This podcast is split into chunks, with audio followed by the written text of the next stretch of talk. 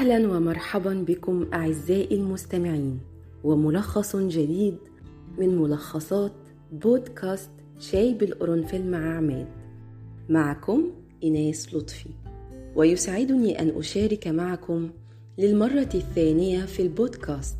وأسأل الله أن يلقى كتاب اليوم صدى متميز لديكم وتستمتعون بمحتوى وملخص الكتاب. فكتاب اليوم من الكتب الإسلامية وهو كتاب ملهم العالم للكاتب والداعيه الإسلامي عائض القرني حيث صدر الكتاب عام 2021 ويعد نقلة نوعية في تناول سيرة النبي محمد صلى الله عليه وسلم ويتضمن أثمن المواعظ في حياة شخصية تاريخية عظيمة فيخبرنا بصفاته الكريمة وأخلاقه السامية. وكيف يمكن تطبيقها في حياة الإنسان؟ وما فائدة ذلك على البشر في الدنيا والآخرة؟ الكاتب هو عائض القرني. كاتب وداعية إسلامي سعودي. له الكثير من الكتب والمحاضرات الصوتية والمرئية الدينية. ولد عام 1960 ألف العديد من الكتب بيعت منها ملايين النسخ. وترجمت لعدة لغات ومن مؤلفاته لا تحزن وجاءت سكرة الموت وأسعد امرأة في العالم. وإليكم ملخص الكتاب. المقدمة ملهم العالم صاحب الرسالة السماوية والمعجزة الباقية. بعث حاملا أجل المواعظ والعبر لينير بهداه ظلام البشرية. محمد صلى الله عليه وسلم. أعظم المرسلين وخاتم النبيين. واجه الدنيا وحيدا. فهل اختلفت حياته عن سائر البشر؟ وما شكل الظلم والألم الذي عاشه؟ وهل اقتصرت مهمته على التبليغ؟ أم أنه لعب دورا مؤثرا في المجتمع؟ يجيب الداعية عائض القرني عن هذه الأسئلة. متطرقا إلى قصص ومواعظ في حياة النبي صلى الله عليه وسلم. تلامس كل إنسان وتساعده على تجاوز جميع العقبات وأشد المحن. الفصل الأول. واجه سيدنا محمد صلى الله عليه وسلم تحديات الدعوة الإسلامية رغم الصعاب. كلف الله تعالى نبيه صلى الله عليه وسلم مهمة نشر الدعوة الإسلامية في بيئة ضالة فواجه صعابها وحيدا سعيا إلى الفردوس الأعلى. وبدلا من أن تسانده عشيرته في نشر الدعوة وهم الذين عرفوه قبل البعثة بالصادق الأمين كانوا أول من حاربه. لكنه لم يتأثر بالفتن والجهل المسيطر على عقولهم. وذات مرة توجه إلى أهل الطائف داعيا إياهم إلى وحدانية الله فسارع أطفالهم إلى رمي الحجارة تحت قدمي النبي صلى الله عليه وسلم. حتى سال الدم من قدميه لكنه وبالرغم من ذلك صبر املا أن يخرج منهم من يعبد الله. تحمل صلى الله عليه وسلم في سبيل الدعوة جميع أنواع الألم وأصعبها. تلك التي يجبر فيها المرء على هجران وطنه إلا أنه استجاب لأمر ربه وغادر مكة متجها إلى المدينة تاركا خلفه ذكرياته فيها فلم يفارقها إلا لشدة عدوان الكفار وبطشهم. ويذكر أنه في طريقه لحقه كفار قريش للنيل منه. فاختبأ في غار ثور إلى جانب أبي بكر الصديق رضي الله عنه. كانت لحظات مخيفة إلا أنه بقي مطمئنا لحفظ الله لهما. فيقول ما ظنك يا أبا بكر باثنين؟ الله ثالثهما. وفي هذا درس لكل إنسان يمر بلحظات عصيبة ليتذكر الله دائما ويتوجه له بالدعاء لأن الله لا يخذل عباده ابدا. إن في حياة الحبيب مواقف صعبة تحمل فيها ما لا يستطيع المرء منا تحمله. فيها اتهم بالجنون والسحر والكذب. مع ذلك بقي صابرا رغم عدم وجود من يواسيه. فقدانه لأبويه صغيرا لم يمنعه من أن يكبر ليصبح رجلا نبيلا قويا يعتمد على نفسه. ويعمل منذ الصغر في التجارة ورعاية الغنم. تلك المهنة التي هيأته ليصبح قائدا للأمم. الفصل الثاني يعد صلى الله عليه وسلم مثالا عظيما للقائد والسياسي المحنك. محمد القائد هو مؤسس الحضارة الإسلامية الذي شهدت لعظمته كبار الشخصيات التاريخية وأقروا بأسلوبه القيادي الناجح وقدرته على حل المشكلات وتحقيق سلام حقيقي. وذلك لأنه خاطب العقل الإنساني بالمنطق والحجة وليس بإشهار السيف فهو رمز السياسة الدينية. همه تحقيق المصلحة البشرية. لم يدخر لنفسه شيئا من غنائم الحروب بل منحها للصحابة كما حدث في معركة حنين. وعلى عكس قادة وزعماء العالم لم يكن على باب محمد بن عبد الله حراس أو حاشية. كان بابه مفتوحا لكل محتاج وسائل ونادى صلى الله عليه وسلم بالإصلاح الشامل في الميادين كافة بدءا من الإنسان نفسه لقوله تعالى إن الله لا يغير ما بقوم حتى يغيروا ما بأنفسهم. واتبع منهجا دبلوماسيا. أقام فيه المفاوضات وعقد اتفاقيات صلح مع غير المسلمين لحقن الدماء وإيقاف الفتنة.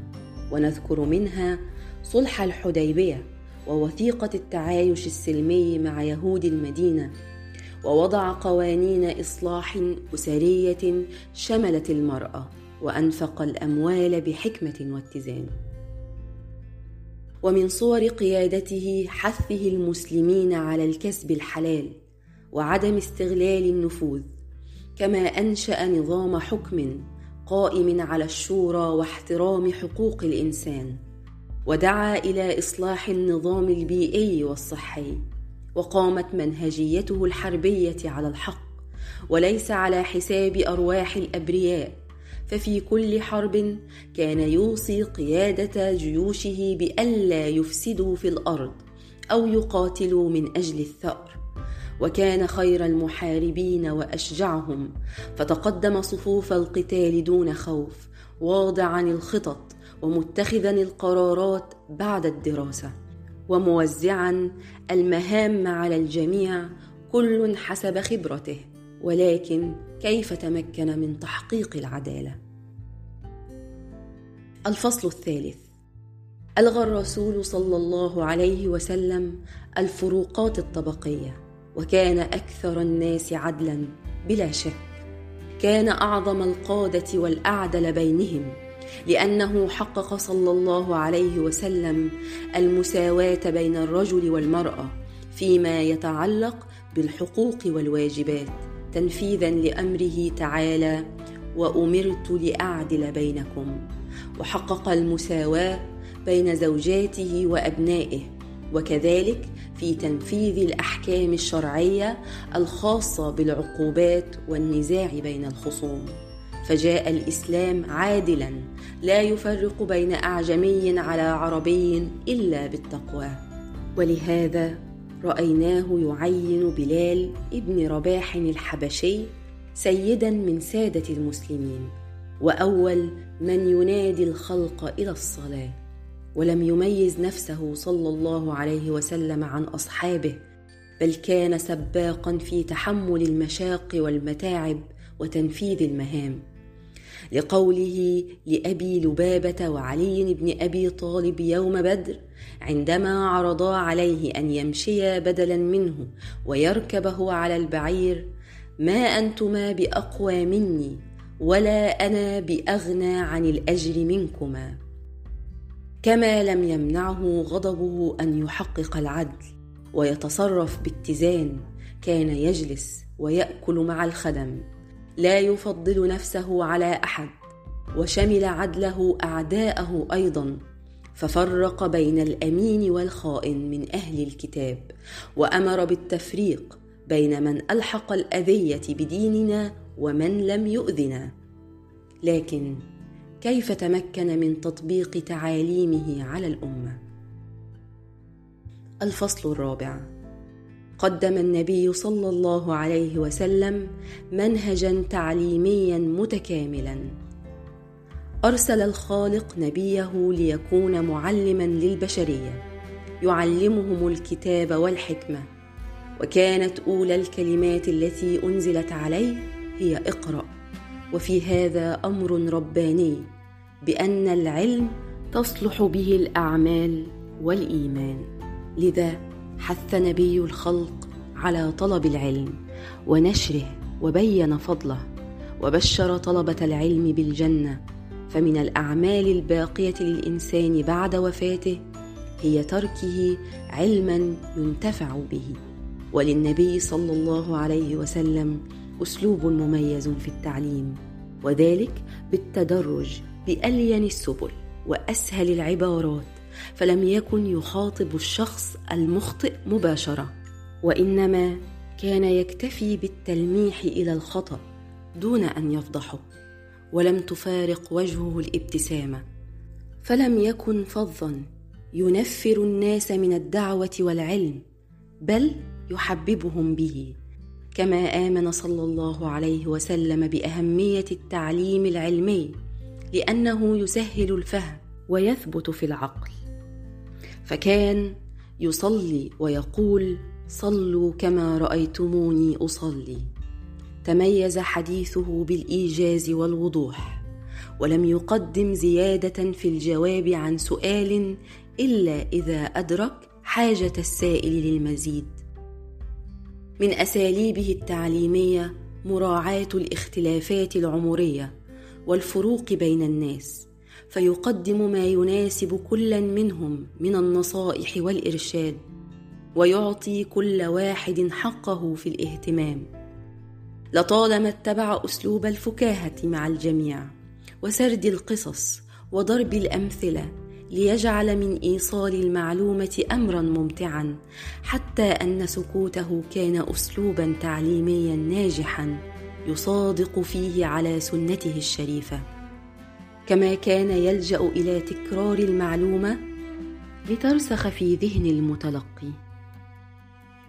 وفي المقابل نهى صلى الله عليه وسلم عن أساليب كثيرة في التعليم منها الجدال الذي لا نهاية له وكتم العلم والسعي إليه بقصد الرياء والسمعة كما نهى عن كثرة القيل والقال وسؤال الجهلة غير المتعلمين. والإفتاء بغير علم. ولكن كيف وفق نبينا بين مهمته الدعوية وحاجاته الروحانية والبدنية؟ الفصل الخامس. وفق النبي صلى الله عليه وسلم بين حاجاته الدنيوية والروحانية. أن يكون المرء مؤمنا مخلصا لله العبادة لا يعني الانقطاع الكامل عن طيبات الدنيا ونعمها وإنما التوفيق بين احتياجات البدن والروح واختيار الأيسر من الأعمال. هكذا بدأ منهج نبينا الدنيوي ميسرا للإنسانية متصفا بالوسطية والاعتدال. لهذا نهى صلى الله عليه وسلم عن كل ما يرهق النفس أو يجبرها على ما لا تتحمل. فدعا إلى عدم الإطالة في الصلاة وقراءة ما تيسر من القرآن وتخفيف خطبة الجمعة وأباح الإفطار عند السفر أو إذا تواجد عذر شرعي. وكان صلى الله عليه وسلم ميسرا في طعامه وكلامه ولباسه. فكان يأكل ما توفر له إذا كان حلالا. يلبس ما هو موجود ولم يلتزم برداء محدد. كما يفعل بعض المتعصبين الدينيين ما دام لم يكن حراما ويسر صلى الله عليه وسلم طريق التوبة. أمام المذنبين فكان يقول الإسلام يهدم ما كان قبله. كان محمدا صلى الله عليه وسلم جميل الخلق والخليقة. تزوج كسائر البشر وأنجب وأحب وفارق واشتاق. كان أكثر الرجال بارا بزوجاته رغم انشغاله ولم يذكر عنه إنه أذى أحداهن بنظرة أو كلمة. لم يعنفهن قط ولم يقلل من شأنهن ابدا. على العكس فقد حث على لين التعامل مع الزوجة وحسن العشرة كان قدوة في العدل. فأتى كل واحدة منهن حقوقها دون تفرقة. فهل كان محمدا سعيدا؟ الفصل السادس. في أسلوب حياته صلى الله عليه وسلم طريق سهل لسعادة المؤمن. عاش محمدا صلى الله عليه وسلم سعيدا متوكلا على الله لإيمانه بقضائه وقدره.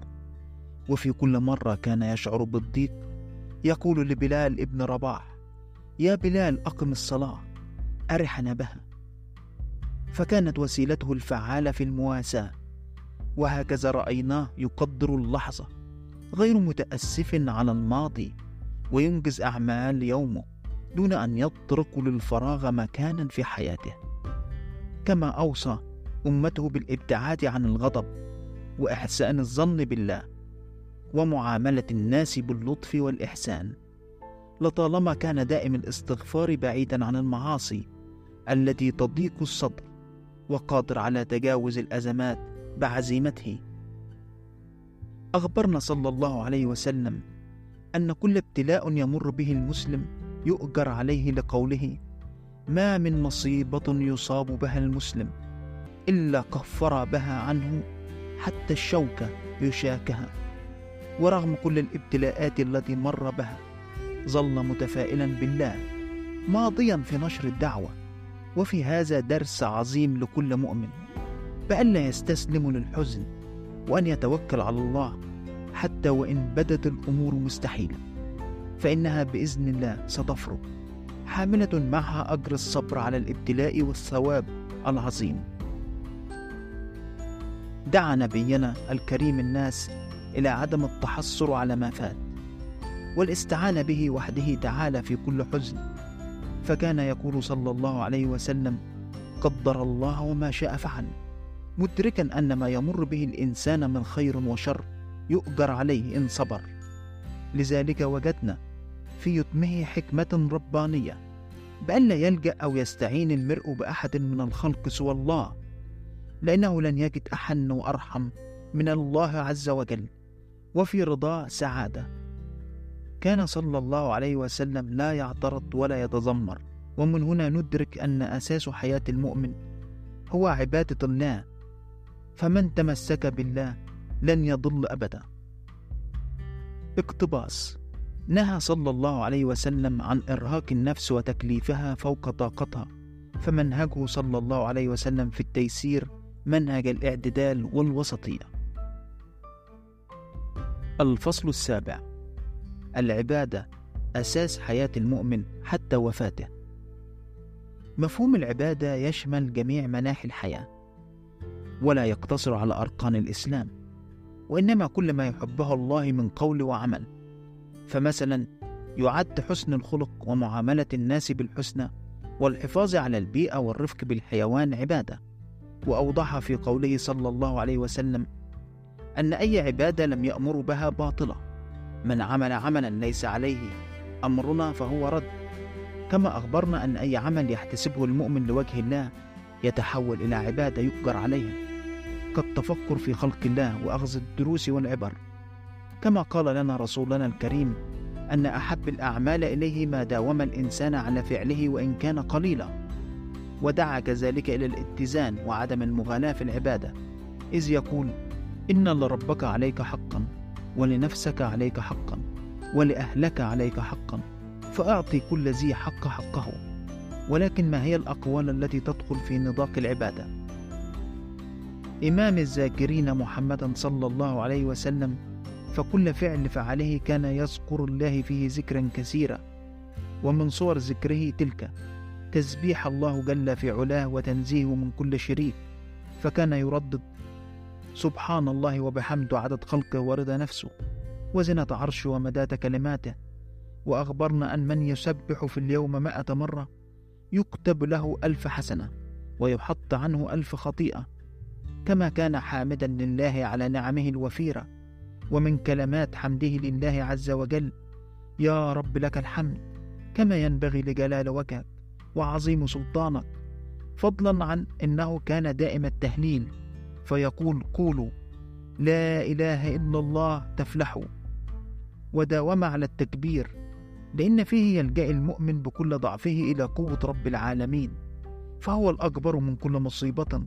ومن كل هم لذا بدأ صلى الله عليه وسلم صلاته بالتكبير وكبر في الحج وفي الأعياد وعند أداء صلاة الاستسقاء ولصور ذكره لله تعالى فضائل كثيره فذكره صلى الله عليه وسلم سبحان الله والحمد لله ولا إله إلا الله له ثواب عظيم للمؤمن وهي أحب الكلام إلى الله ورسوله ومكفرة للذنوب.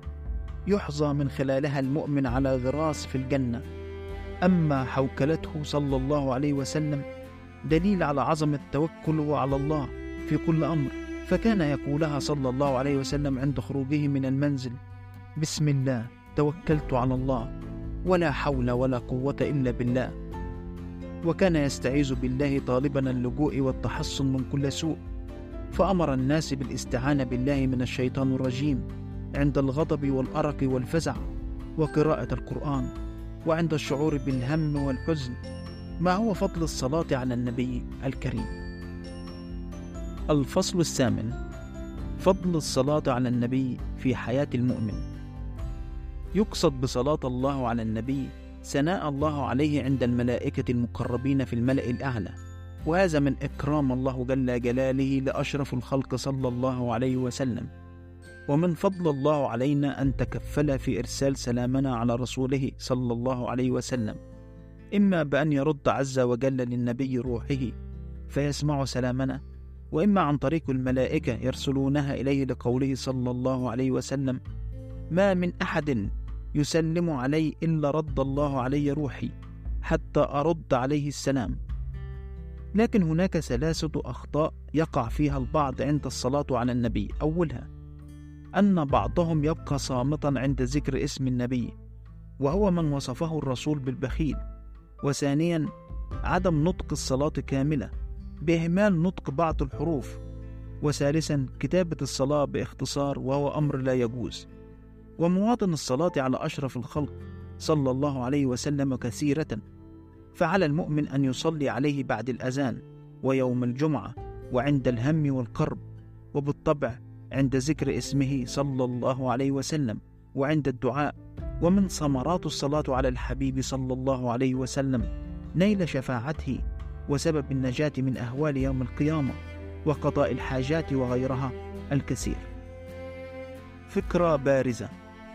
إن جميع الملهمين في العالم سوى نبينا صلى الله عليه وسلم من زعماء وعباقرة وفاتحين ومجددين ومبدعين ومخترعين ومكتشفين لهم إلهام خاص في باب خاص لكنه إلهام محدود ومؤقت ودنيوي.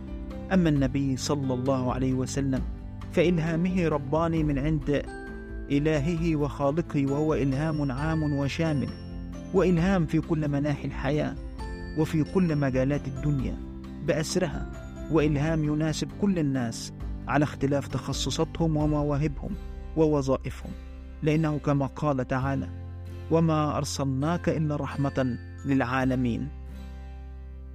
الخاتمه. بعث الله محمدا ليكون رسالة هدى ورحمة للعالمين وجعل منه انسانا يقتضى به سائر البشر قولا وفعلا. لم يكن رسولا مهمته التبليغ فقط بل كان قائدا. تأسست على يده أعظم حضارة في التاريخ وفي سبيل الدفاع عنها تحمل المشاق وحيدا. لإيمانه بصدق رسالته الربانية. وسط مجتمع وثني مضلل وكان رحيما بالجميع. يحفظ الجميل حتى لعدوه في حزنه وسعادته لم يغفل عن ذكر الله ولم يضعف إيمانه قط. ولد يتيما لكنه قبر رجلا نبيلا كله عفة وأدب. لم يلجأ إلى أحد سوى ربه ولم يطلب من أحد حاجة فكان يعمل بكد واجتهاد دونما أن يستسلم لليأس والإحباط. هذا هو محمد صلى الله عليه وسلم ملهم العالم والأقدر باللقب. توفي يوم الاثنين من شهر ربيع الأول وفي وفاته رسالة كما في حياته بأن لا أحد منا يعيش أبد الظهر. فجميعنا تنتظرنا ساعة ومكان في علم الله وحده. لذا فلنحسن الصنيع في الدنيا كان أكثر البشر عفافا ورحمة. لم يؤذي أحد وهو أعظم الخلق. لكنه بقى مستغفرا حتى آخر لحظة. يطلب الرفيق الأعلى. وعجبا لنا نحن البشر. ماذا قدمنا لله؟ مقارنة مع نبينا محمد صلى الله عليه وسلم. كنتم مع بودكاست شيب القرنفل مع عماد.